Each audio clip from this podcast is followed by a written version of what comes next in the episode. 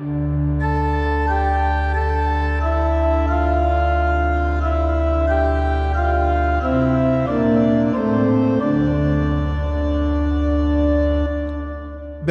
till FFG-podden med mig, Kristoffer Helle.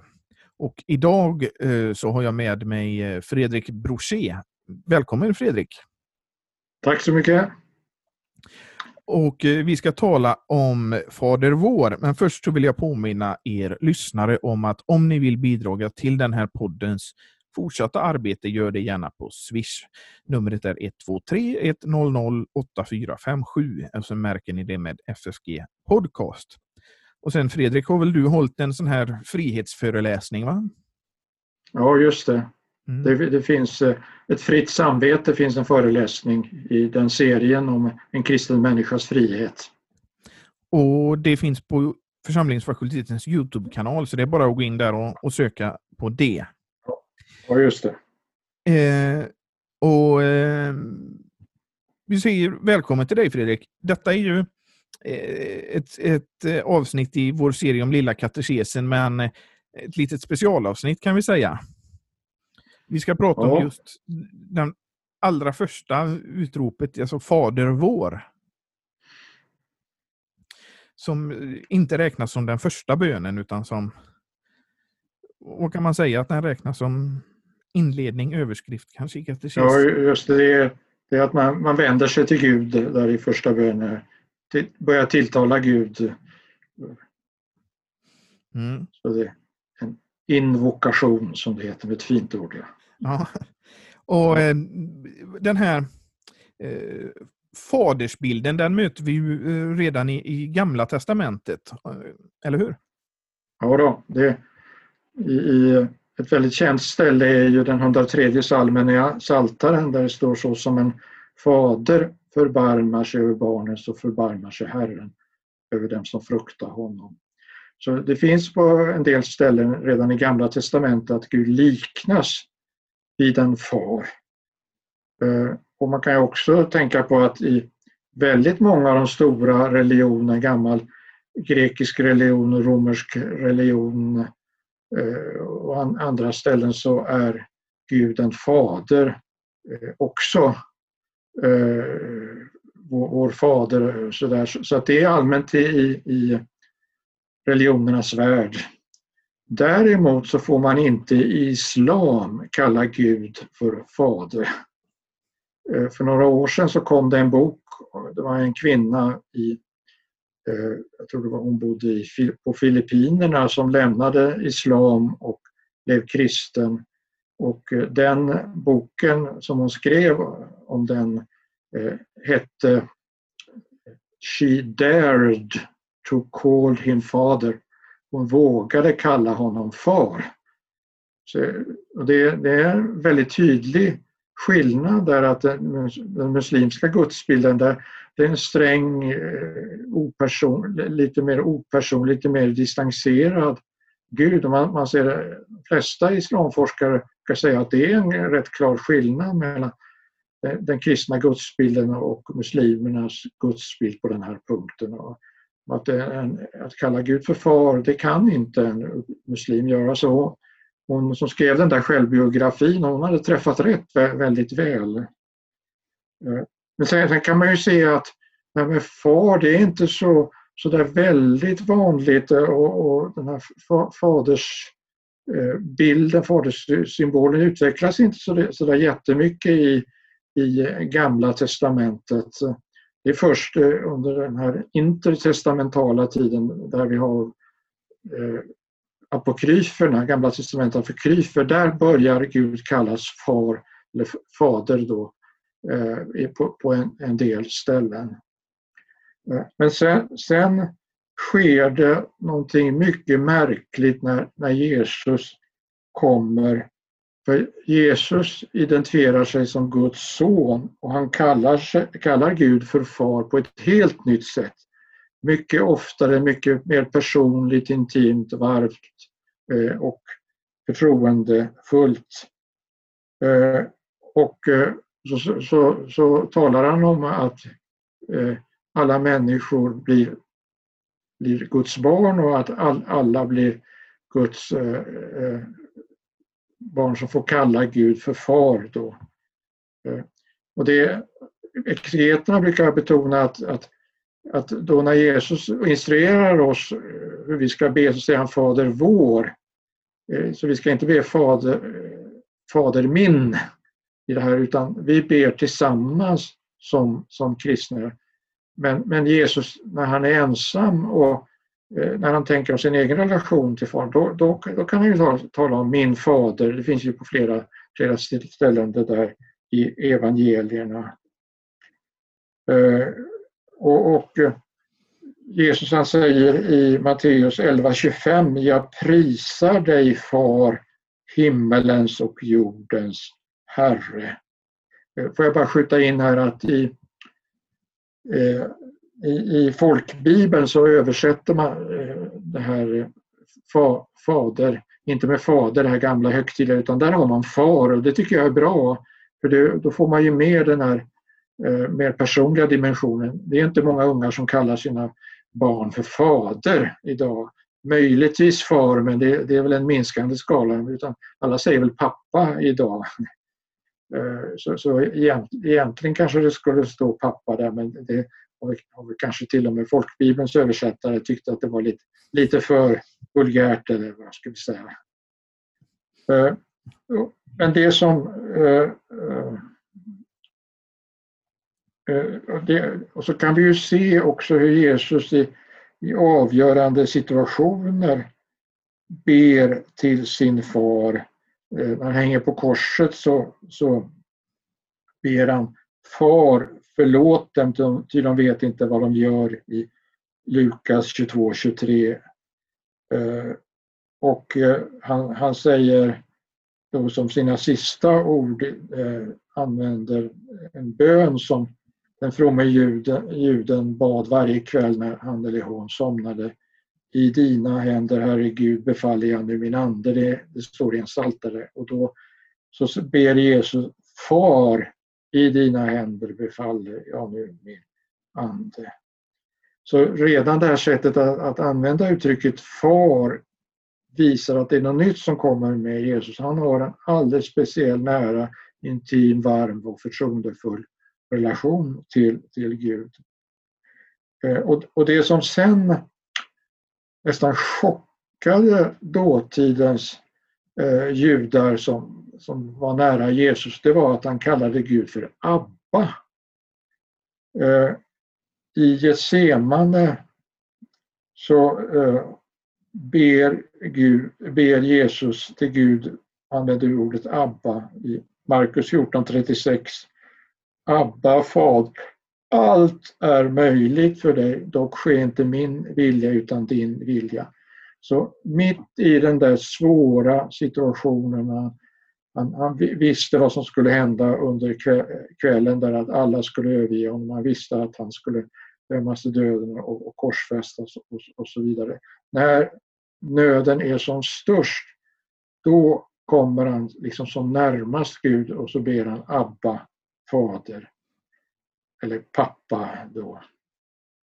Och det var ingen som i den dåt, enligt den dåtida litteraturen vågade kalla Gud för Abba. Det är något helt nytt det här och det, det går säkert tillbaka på, på Jesus själv, på att han hade ett unikt förhållande till sin him himmelske far. Men även eh, Paulus börjar ju använda det uttrycket. Ja, vi kommer in, in på det, att på så ställen hos Paulus står det sen Abba. Och, och det, det var ju så märkvärdigt, det liksom stod, stack ut så mycket det här Abba så att man bevarade det arameiska det armeniska tilltalet Abba. Eh, fastän fast man pratade grekiska då i, i mindre Asien, eh, i Galatien och man, man pratade ju latin i Rom där Paulus skrev. Eh, och där, där heter ju pater både på, på grekiska och latin. Men ändå, man skriver inte pater utan man skriver Abba då på två, Paulus på två Eh, ställen. Så, så det, här, det här med Abba, far, eh, pappa, det har nog bevarats. Som någon, eh, man har känt liksom någon slags rysning att ah, här är Jesu eget tilltal. Så nära kommer vi Gud och det här bad, bad Jesus själv när han, när han var, var i, i, sin enskilda andakt och talade med sin himmelske Och det bad han den sista kvällen i ett semare. Alltså, och tänk att vi får be, får be detta. Eh, eh, eh, och, och Paulus han, han, tar upp det på två ställen som du antydde här Kristoffer. I Romarbrevet 8.15 så står det I honom, i Kristus, ropar vi Abba far. Ropar vi. Det är vi som ropar Abba far. Och sen finns det i Galaterbrevet 4.6 som då nog är en tidigare skrift av Paulus. Där står det han har sänt sin sons ande i våra hjärtan som ropar Abba. Så där är det anden som ropar i oss egentligen. Eh, och det tycker jag är väldigt fint, de där två aspekterna eh, eh, kompletterar varandra. För på ett sätt är det ju den heliga Ande som, som, eh, som skapar den nära relationen därför att Gud har uppenbarat sin kärlek i, i Jesu död och upp, uppståndelse. Och det, det är bara Anden som, som kan skapas tro hos oss och det, det är genom den heliga Ande som vi vågar se upp i Guds ansikte och se att, att han är vår, vår käre himmelske fader. Som, som Luther, Luther säger på, på, på många eh, ställen där. Så att det, är, att det är Anden som beder att Anden som ropar, det ligger någonting i det. Men samtidigt är det våra, våra eh, stämband och våra tal, talorgan som säger detta. Så det liksom visar det här hur, hur Gud kommer till oss genom ordet och anden när vi tror på ordet. Och då talar anden och manar gott för oss och, och inger oss hur vi ska be när vi inte vet hur vi ska be. Eh, och så samtidigt är vi själva som ber. Anden liksom eh, eh talar i oss och genom oss. Eh, så att det, det, är liksom två sidor. Det är, det är väldigt fint att vi har de där två sidorna. Man talar inte så ofta om att, att det är liksom två, två aspekter av det här med Abba far som, som kommer fram där i Romare 8 och Galater 4. Fredrik, jag tänker att det blir ju också både att vi är ju kristna enskilt, och, men vi är också kristna tillsammans. Vi är ju kristna syskon som har samma fader, i, eller far i det här fallet, pappa. Ja, så det blir också en, jag tycker att det blir trösterikt att tänka så. Ja. Vi, vi, visst, i kyrkan så ber vi ju Fader vår då i, i varje högmässa och i andra gudstjänster också. Men sen i vår enskilda andakt kan vi ju be, be precis som Jesus bad i Getsemane, Abba far. Mm. Uh, och det, det här Eh, är, är något som är väldigt, väldigt viktigt för det, det kastar ljus över hela den gudsrelation vi har. Eh, om jag har, har gjort någonting eller tänkt någonting eller sagt någonting som ger mig dåligt samvete, då har jag väldigt svårt att se upp i Guds ansikte och, och frimodigt liksom tro att jag är välbehaglig, att Gud ser på mig i kärlek. Jag har svårt att säga Abba, pappa, pappa i den situationen. Men, men om jag först går till Kristus och ser att han har burit min synd och skuld på kors, dött för den och att han har uppstått för min rättfärdiggörelses skull, då kan jag komma inför Gud för Kristi skull och så kan jag se upp i Guds ansikte även, även om det här som jag gjorde och sa och det som jag är inte duger och hållbar in, in för dig och att jag borde förkastas från ditt hand så kommer jag för Jesu Kristi skull. Och han har gett mig rätten att vara Guds barn och eh, att, att säga Abba.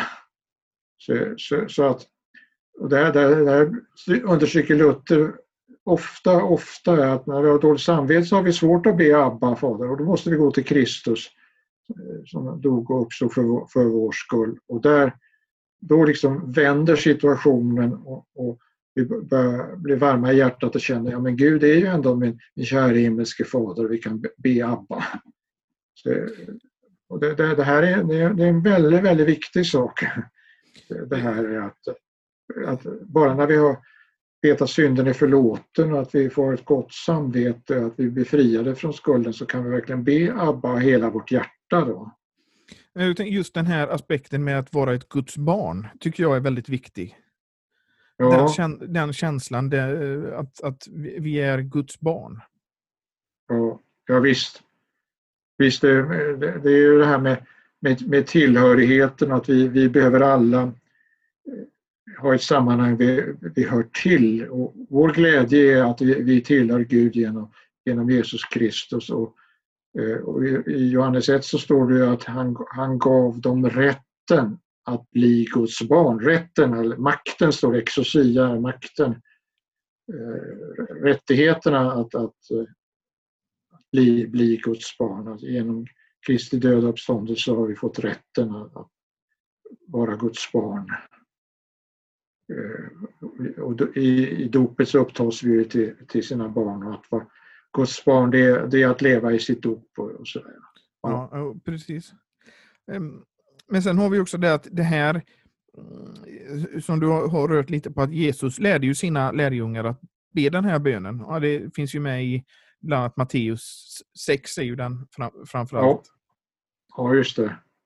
Jo visst, eh, lär, Jesu lärjungar de visste ju att rabbinerna lärde ut böner till sina lärjungar. Det fanns ju må många rabbiner som hade, hade olika lärjungaskaror och, och som, som, följde med och lyssnade på vad rabbi sa för någonting och, och iakttog hur, hur rabbin betedde sig. Det var både liksom en undervisning i ord och i, genom exemplets makt. Så hade de sett att eh, andra rabbiner lärde sina lärjungar att be och då så, så tycker de att eh, ja, men då ska, måste vi gå till Jesus så att han ska få lära oss att be då. Herre, herre lär oss att be. Eh, då har vi där Matteus 6 och Lukas 11 som handlar väldigt mycket om bönen. Eh, och, och, och, då säger när ni ber så ska ni säga Fader vår eller eh, vår, vår far som, som det står översatt som. Det, det är ju egentligen en bättre översättning. Fader vår, det blir så väldigt högtidligt. Eh, så, så, så, så uttrycker vi oss inte idag. Men vissa, vissa vår, vill ju, vår far kanske. Vissa vill ju ha den skillnaden att man i andliga sammanhang uttrycker sig mer högtidligt, att, att man märker att det blir en skillnad. Ja, jo det, det, det är det jag... Eh, den här nya översättningen Fader vår, eh, den börjar ju Vår Fader och det, där, har man, där har man översatt Vår Fader därför man tycker att det bättre fångar det här personliga, nära, varma och förtroendeförhållande förhållande som, som Jesus avser med, med att, att vi ska mm. säga detta, vår, vår far då, eller vår, vår pappa rent av. Ja, jo, jo. Men ehm, det, det är ju i, i bergspredikan här som de tar upp det första gången. Ja. ja.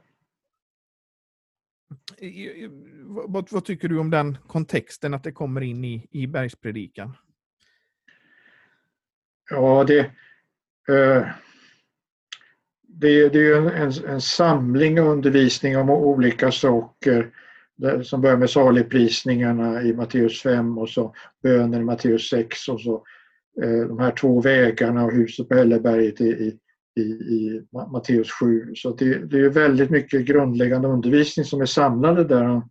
Men sen om man, man går till Lukas så ser man att att han har ett särskilt kapitel om bönen och han har inte det här med bönen inlagt i, i den så kallade slättpredikan, alltså Lukas 6 som, som innehåller ganska många andra utsagor av Jesus som, som också finns i, i bergspredikan.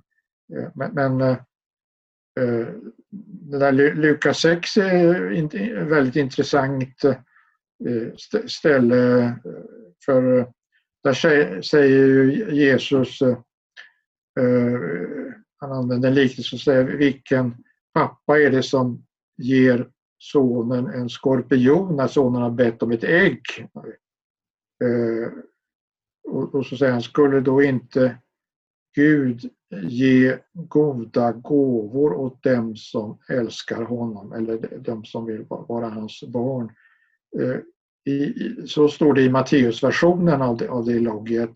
Medan i Lukas 11 så står det, skulle då inte Gud ge helig ande åt dem som bedjar honom. Helig ande. Så att, I Lukas så förs det fram det här med att anden liksom är i den nya verkligheten, riket, den nya gudsrelationen och, och alltihopa. Så där finns det liksom två olika eh, aspekter. Att Lukas lägger till det här med mer, mer personliga och att det sker genom den heliga Ande och sådär. Och där vette ju Lukas väldigt mycket om, om Paulus då, Galater 4 och Romare 8 där det är anden som är liksom motorn i bönen och, och det är anden som, som gör att vi kan tro att Gud är vår kära himmelske far, att vi vågar nära, närma oss honom eh, mm. med, med stor frimodighet och förtroende. Sen, jag tänkte, ska vi gå över till det här med fadersbild lite? Ja, just det. Mm. Eh, när man samtalar med människor eh, och, och, de är personliga så, så, kan man få höra ibland, eh, på tal om med, med Gud som var kär i himmelske far, att de säger att, jag hade så dålig relation till min egen pappa. Han var så frånvarande eller, eller han, han, han var så avlägsen. Han liksom engagerade sig inte i, i mitt liv. Han var, han var en bi, bifigur bara. Så att eh, när jag kallar Gud med, eh, min, min far så, så väcker inga goda vibrationer i mig utan snarare är det stumt eller tyst eller kanske rent av negativt om, om man haft en pappa som kanske har slagit en och som inte har brytt sig om en eller älskat en, inte visat medkänsla och sådär. Man kan till och med kanske ha blivit eh, misshandlad och missbrukad av sin pappa. Det är ju jättesvårt då, alltså utnyttjad av sin pappa och sådär. Hur, eh, hur ska man göra då då? Eh, så det, det här kan vara ett, ett, ett väldigt viktigt själavårdsproblem eh, som en och annan har. Det är inte så konstigt Eh, det om ens pappa bara, bara står för något förskräckligt och man har blivit traumatiserad av sin, sin pappa. Det, det, det är klart att det är jättesvårt att få det över sina läppar. Min käre himmelske far och sådär. Men då, då, finns det ett ställe hos eh, Paulus i Efesierbrevet 3.14 som är väldigt viktigt och som man får tala om och som man ska man ska klargöra. Det är det här, den här långa förbönen som Paulus sa, därför böjer jag mina knän inför Fadern i Efesier 3, 14 och 15. Från vilken allt vad faderskap har sitt namn, står det. Från vilket allt vad fader eh, heter har sitt namn. Det är lite olika översatt, men det, i grekiska grundtexten så står det faderskap där, patridda, det är pater, patridda där Eh, och här så ser man alltså att det eh, är från den käre himmelske fadern, från den gode fadern som faderskapet har sitt namn. Eh, många psykologer säger att när man, religionerna, kristendomen talar om fader så är det liksom projektioner av vår upplevelse av vår jordiske far som vi projicerar på en stor himmelsk far. Så då tänker de sig att faderskapet börjar med den jordiske fadern och sen, sen liksom lägger man ut det på något slags eh, livsåskådningsmässigt sätt eh, som, som, i en, i en guds, gudsbild. Eh, och, och, och, då blir det ju väldigt, väldigt tydligt det här att om man risig faders, jordisk fadersrelation så då, då blir ju den en risig gudsrelation också. Men det som Paulus säger det är att man skulle börja hos Gud. Här, det, man kan egentligen bara tala om en som är en riktigt god fader, en föredömlig fader. Eh, och det är den himmelske fadern. Det är från honom all, all faderskap har sitt namn. Så det, när våra pappor har varit goda, fina, Eh, och bra och kärleksfulla och, empatiska och så vidare så är det en liten avglansare från Gud. De har liksom fått del av det här på något sätt och Gud visar sig genom det hos dem. Då. Så det, det, det är inte projektioner utan att någon slags uppenbarelse som Gud, i, i vilken Gud använder vår, vår jordiske far för att vi ska förstå vissa saker.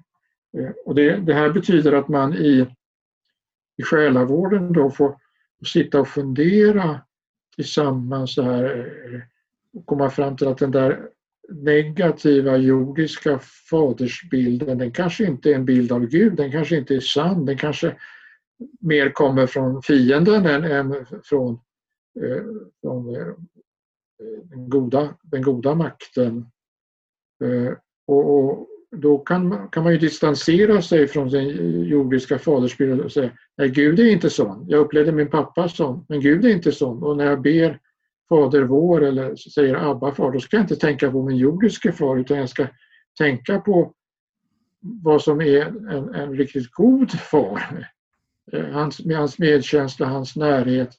Eh, och om, om min pappa har varit eh, kass på det ena eller andra sättet så, så kan jag tänka, men min himmelske far, han har varit desto bättre. Han har haft tid för mig, han har brytt, mig, brytt sig om mig och han har sett mig och så vidare. Och på det här sättet så kan ju barn och ungdomar och vuxna som har en brist på sin far eller som har så negativa känslor istället då ta in mer den här bibliska eh, tanken att, att Gud är det högsta goda, den, den, den verkligt sanne Fadern och, så, eh, och försöka se på den, räkna med den och relatera till den då när, när man säger Fader vår. Eh, Gud är inte som min himmelska, eh, som min jordiska pappa utan, utan han är en verkligt god far. Eh, och det där kan man se i själavården, inte minst med unga, unga människor då som behöver en fadersbild när de ska göra sig fria och börja stå på egna ben vartefter under sena tonår och tidiga vuxenår och sådär. Då kan en och annan berätta att det betyder så väldigt mycket för mig att, att jag har en himmelsk far som har tid för mig, som lyssnar på mig när jag ber till honom, som för, förstår mig och som, som älskar. Det blir liksom stödet i den här frigörelsen. Och, och då står den himmelske fadern liksom på befrielsens sida och jag har, väl, och jag har valt det här med, med eh, av eget tvång. Det är inte för att en jordisk far har bankat in det här en gång i, i mitt huvud att så, så, så, här, så här är det. Utan jag ser att Gud i Kristus har uppenbarat sig som, som, som min far och, och det, jag räknar med den far, fadersbilden och relaterar till den fadersbilden och när, när jag ber så är det den fadersbilden jag försöker aktualisera och måla upp och föreställa mig och så vidare. Mm. Jag, jag, tänker på en annan sak just med fadersbilden och jag tänker det hör ihop med förtröstan och lite senare kommer, i, i Fader vår kommer vi komma in på det här med det dagliga brödet. Ja. Vi, vi, eh, vi, förväntar oss som barn att eh, vår far ska försörja familjen och ta hem det, det världsliga dagliga brödet.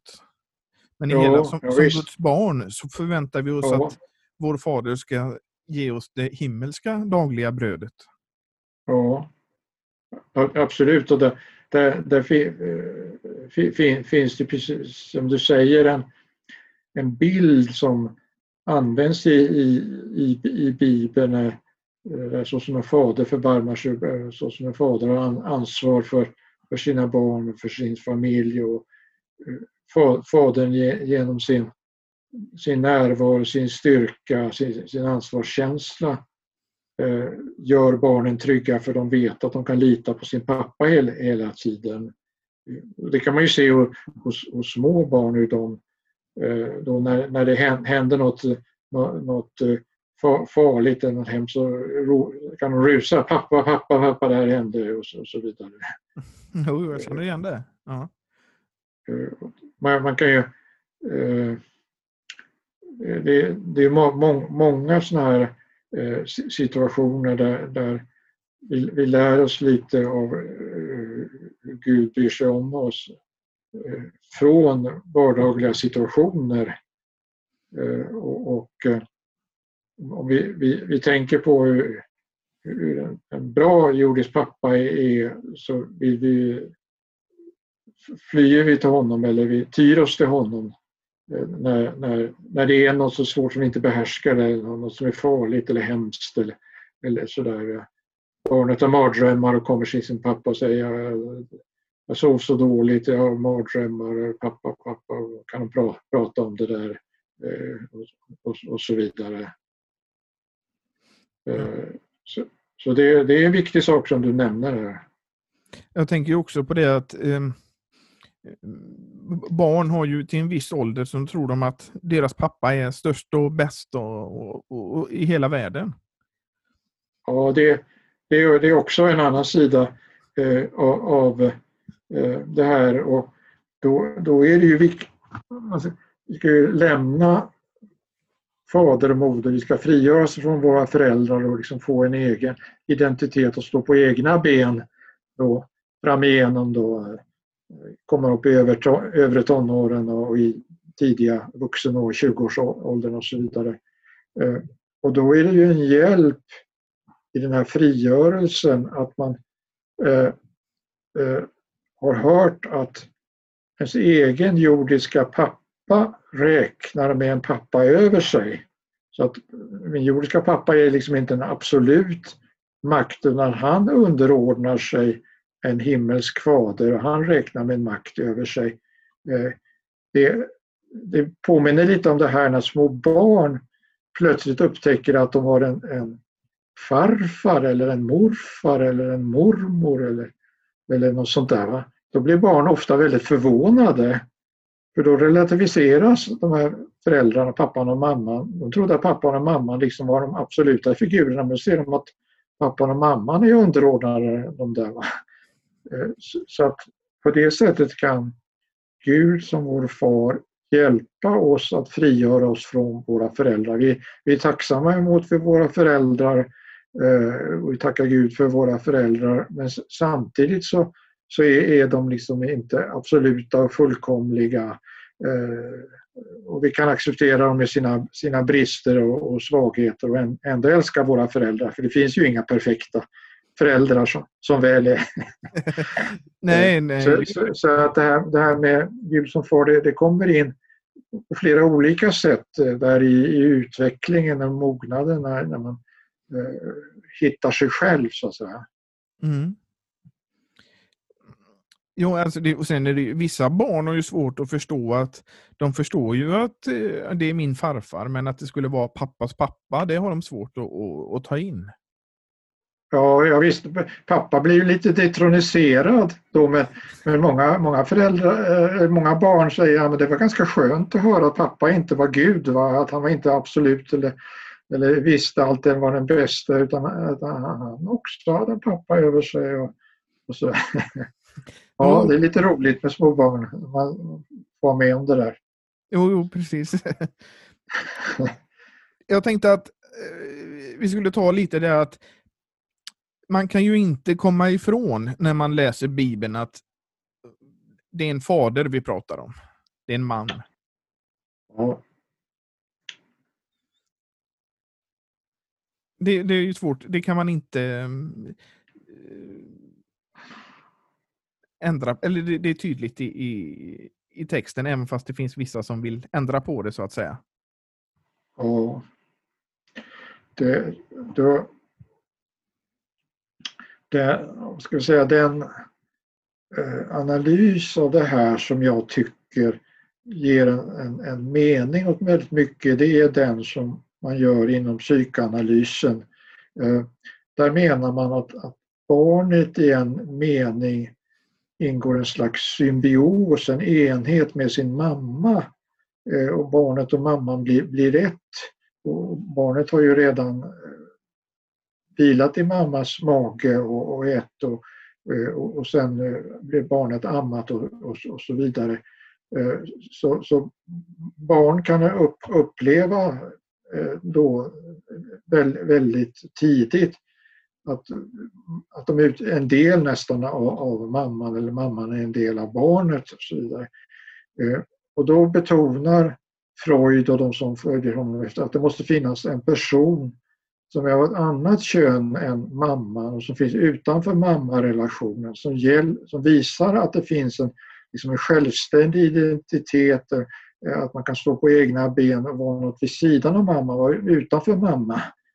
Eh, och det, det är pappan, alltså en fadersgestalt som, som representerar det här fri, fria livet eh, vid sidan om mamman.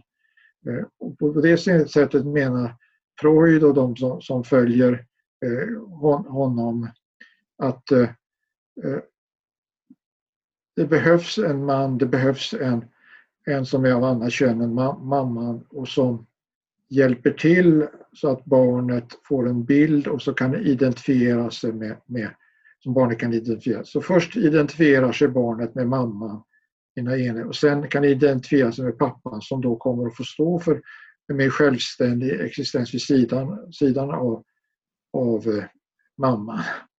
Eh, och så har man ansett i, i väldigt må många sammanhang att ett, ett barn behöver både en mamma och en pappa, eller i varje fall en, pappa, en, en, en fadersfigur som gestaltar det här med pappan som hjälper eh, barnet att hitta sin självständighet vid sidan av mamman. Det, det, går inte för mamman att säga att du måste vara självständig och så vidare och liksom skicka bort barnet från sig utan barnet måste ha något positivt också som det kan identifiera sig med och tillsammans med, eh, som kan se hur det, hur det här självständiga fungerar och eh, hur, det verkar och, och umgås med det, med det här. Så det är viktigt att det tar gestalt och inte bara är liksom något te teoretiskt. Det här. Eh, och, och det, bara, bara ett exempel i, i här på västkusten fanns det ju många barn som hade en pappa som var sjökapten som var borta långliga tider. Då. De, förr i tiden så kunde ju skeppen vara borta i månadsvis och, eh, och så kom pappa hem eh, då. Eh, och det som hjälpte de här barnen, som jag ibland har hört, jag har träffat några som har varit son, son till, eh, eller dotter till sjökapten, det är att mamman talade om att nu är pappa ute på båten, nu är båten där eh, och, och pappa tänker på oss och, och, pappa kommer hem då, då och då och så vidare. Så kom han hem och så var han hemma några veckor och så vidare. Men bara det här att, att pappan fick en, en närvaro genom mammans ord. Alltså, fadern i moderns tal. Det var det som var så viktigt. Genom det så fick barnet en relation till den här pappan och kunde då relativisera mamman och genom den här frånvarande pappan som ändå inte var frånvarande utan fanns där genom mammans ord så, så eh, kunde då barnet få en relation till sin pappa fast de inte träffades så ofta. Mm. Eh, och det, här, det kastar också ljus över det här förhållandet att om mamman talar illa om pappan så kommer pappan att bli en negativ figur för mamman. Hur bra han än är eh, under en viss tid i alla fall. Eh, det är problematiskt då när det är tidiga skilsmässor och, och mamman till, barnen till exempel är mamman och mamman kan inte låta bli att tala, tala illa om pappan då eller barnet märker en negativ attityd mot, mot pappan annars skulle det inte bli någon skilsmässa. Det kommer, kommer fram, fram på det e-, ena eller, eller andra, andra sättet. Så i den meningen så kommer ju mamman att vara nyckeln till barnets papparelation om, om du förstår vad jag ja. menar. Så det sätt som mamman presenterar pappan blir den sanning om pappan som barnet tillägnar sig. Så, så därför är det ju viktigt att, att mammorna tar väl om papporna hur dåliga de än är va? och framhåller att de är viktiga och han är din pappa och han, han har mycket förtjänster och bra och sådär. Men det där är, där är alltså en, en, en väldigt knepig punkt. Va? Eh, och, och, det finns barn som sen långt senare som har suttit med sådana där samtal som, som säger jag fick bara höra negativa saker och eh, pappa, det var så dåligt med honom. Allting. Så träffade jag honom och, och, och, och liksom då, då, fick jag en bra relation och jag såg att han, han var ju inte så tokig han och så vidare och då började ändra mig.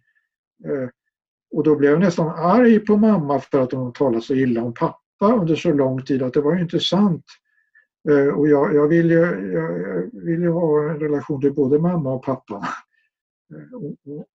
Man, man, kan ju se att alla barn har, har mycket större behov av sin pappa än papporna egentligen förstår själva. Eh, nu säger jag för att ge lite kurage åt alla papper som, som lyssnar. Eh, här och, och, och särskilt sådana som har liten kontakt med pappa de, de, de behöver ju eh, liksom få, få umgås med honom, tala om honom, leva med honom. Och, ibland kan det kanske dyka upp fadersgestalter senare i deras liv som kan, kan fylla ett behov där. Vi säger ibland att, att han, den där läraren, blev liksom en fadersgestalt för, för, för, för, för, för mig eller den prästen eller, eller idrottsledaren blev som en fadersgestalt. Så, så att det, alla pappor borde liksom förstå det här att barnet har precis lika stort behov av sin pappa som av sin mamma. Eh, och, och, och, mammorna ska tänka på hur de presenterar pappan. Då. Och det, det, är klart att eh, papporna ska vakta sin mun och tala väl om mammorna också, det är självklart. Det. Men, men, att mamman sitter i liksom en maktposition och bestämmer tolkningen av pappan. Liksom, det sätt hon presenterar pappan blir ju barnets bild av pappan. Så det, det här liksom rör väldigt många aktuella saker, väldigt många svåra upplevelser som barn har. Skil, skilsmässa, barn eh, som separeras från sin pappa och som fått alldeles för lite av sin pappa. Och här, här måste man säga att det, det, är oerhört glädjande det här med alla unga pappor som nu engagerar sig i sina barn och som är hemma med barnen månadsvis och får en egen relation och, eh, och, och, och som, som, ställer upp mycket mer. Så, så var det inte för en generation sedan. Eh.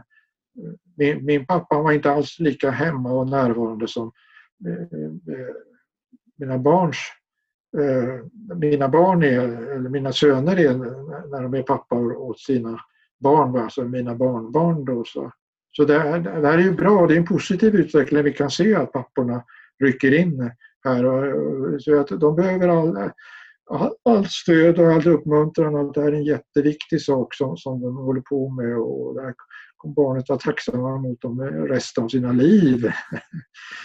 Ja, jag var hemma med min son i ett år. Ja. Eh, jag har aldrig gjort något jobbigt i hela mitt liv. Nej, det är, det är ständig, ständig jour, ja. Ja, jo, det är det. det är det. Ja, visst, det är alldeles riktigt. Det är, det är riktigt. Och, men det var en väldigt givande tid ändå, måste jag säga. Ja, efteråt tänker du väl tillbaka på det med stor tacksamhet. Det var något ja. helt annat. Va? Och, att du fick, fick en alldeles personlig relation och massa upplevelser som bara du och han, han har nu. Ja, han, han kommer inte ihåg så mycket av det nu men... Um... Nej. Men, men, men, de, de, de här barnen de är nog väldigt tacksamma även om de inte minns så mycket så har de ändå en upplevelse av pappan att han finns där, att han är närvarande eh, och så vidare. Mm. Jo, men så är det. Jag tänkte på en annan sak. Du sa att mammorna talar eh, illa om papporna. Tror du att... Ja, det, det, där det är konflikt och det blir skilsmässa och sådär, då, då blir det lätt så. Men jag tänker att det är ju någonting i, i, i vårt moderna samhälle som har blivit det har blivit fler skilsmässor. Kanske, man kanske inte skiljer sig bara en gång. Eh, jag tror att man hade en, mer respekt för varandra för Att man inte talade illa. Utan att det är någonting som har kommit Ja, det, jag undrar om det har ändrats så mycket. Skilsmässorna var ju lite mera sällan. För det, det, det, är ju riktigt och det fanns ju en tid när man inte fick skilja sig. Man, man flyttade isär bara och bodde på olika, olika håll. Eh, eh, och så, och så där. Men, men det, det, här att, eh, att man då mannen och kvinnan har sår, sårat varandra och att de inte kan låta bli annat än ge röst åt besvikelse och smärta och kritik och sådär. Hjärtat är fullt av talarmunnar. Alltså det, barnen känner ju då hur mamman eller pappan upplever det gentemot den andra och så tar barnet in, in det här. Och, och, och, mamman är den som har varit mest med barnet så köper man ju mammans tolkning av det, det hela mm. då, till att börja med. Sen kan det ju ändras som jag sa här vartefter. Och så. Men, men, men det här med äktenskapet är ju en stor och viktig sak. Alltså kyrkan viger människor här, jättemånga människor, men, men sen så ställer kyrkan inte så värst mycket upp på att stötta dem och hjälpa dem då eh, här, familjerådgivning försöker väl kyrkan lite nu men det är ju kommunen som, som eh, anlitas och som är skyldig att ha, eh, ha, ha familjerådgivning. Och det finns en del, del kyrkor där man har äktenskapsskola för sådana som ska gifta sig och det är jättebra så men det, sånt förekommer ju väldigt sällan i, i, i Sverige. Jag hade en prästkollega, en betydligt äldre prästkollega som var militärpräst och då ägnade han sig åt att äktenskapsskola med de här bassarna som var 20 år gamla och det tyckte de var jätteintressant. Förbereda dem för kommande äktenskap. Jo, men jag det, det, det är mycket, mycket här som, som, som, kyrkan skulle kunna göra och hjälpa till med. Så, eh, en, en, en skilsmässa är, även om det är fler skilsmässor och det inte är så där eh, traumatiserande som det kanske var en, en, gång eller så unikt som det var en gång så är, är det ju en katastrof för, för, föräldrarna och det är en katastrof för barnen också. Det, är, eh, det, det, det är oerhörd påfrestning alltså. Och det färgar ju ens bild sen på äktenskap också. Kunde mina föräldrar skilja sig då kan, kan väl jag också skilja mig. Och sådär. Ja. Så det får ju många, många tråkiga konsekvenser det, det här också. Jo, men jag tänker sen, på... Sen, sen kom, kom man in på det här med en man eller en kvinna som lever i ett olyckligt äktenskap också. Då. Hur länge ska man hålla ihop för barnens skull och sådär. Det är också ett stort problem. Jo, men, men jag tänker på att eh, det, det, är ju vissa som gifter sig många, många gånger. Jag har hört eh, präster som säger att nu kommer det någon som ska gifta sig för tredje, fjärde gången. Och då kommer det ju nya fadersgestalter in i barn och kommer och går lite i barnens liv. Det måste ju också ja. vara oerhört traumatiserande. Ja, jo, vi, vi, visst, det säger, det säger sig självt. Vi, visst. Vi, vi, visst. Det, det, nej, alltså ju mer man, man pratar med, med människor om det här med, med uppväxtförhållanden och, och, och äktenskap så ser man eh, hur vanligt det är här med med, med konflikter och eh, söndring och, och och eh, allt möjligt sånt här i, i äktenskap. Eh, jag tror det är viktigt att, att, att, kyrkan försöker hjälpa till här och Eh, stödja de här och undervisning och så här eh, samlevnad överhuvudtaget det är tal om att skolan ska gå in mer och, och ha sån här etisk undervisning, sex och samlevnad. Det, det, det är väl bra också om, om det kan bli en vettig undervisning av, av det här. Så samhället känner ju också det här, alla, alla, alla skilsmässor kostar ju samhället jättemycket Eh, ekonomiskt och så, samtidigt är det psykologiskt och socialt eh, och, och, och, ofta något oerhört negativt och som lämnar kvar ärr i själen och, och, så. så eh, alla, alla, alla, känner ju att det, det, det där med skilsmässor, det, det är inte bra alltså. Så Nej, det, ja, det, det, kan man uh, lugnt säga. Men jag tänker ju också ja. att, att um, i, krist, i, i krist, kristendomen säger ju att man ska inte skilja sig eller gifta om sig helst, eller egentligen inte. Nej, nej visst. Jesus har ju, har ju öppnar ju för ändå skilsmässan där att för era, hjärta, era hjärtans hårdhets skull och man skilja sig och så vidare. Och I den tidiga, tidiga kyrkan så kunde man ju skil, skil, skilja sig men då fick man inte gifta om sig. Eh, då, utan då, den enda vägen tillbaka till det var ju att försona sig med sin, sin man eller hustru och gå tillbaka till det. Mm. Det har jag varit med om flera gånger som, som präst. Eh, att eh, det var någon som var gift, gift med någon och sen har de haft andra relationer så kom de på att den här första var ju ändå bäst. Så de har gift sig igen med den första då. Mm. Så det, det är vanligare än man tror. Och det, det, ställer man ju gärna upp som präst då på detta och tycker att det, det är roligt. Och, och sådär. Men jag vet ju också kristna som har blivit lämnade men som inte, inte då kan, kan tänka sig att gifta om sig. Ja, ja vi, vi, det, det, finns, det finns all, alla varianter av det här. Och Och sen är det jättesvårt liksom att fördela skulden här.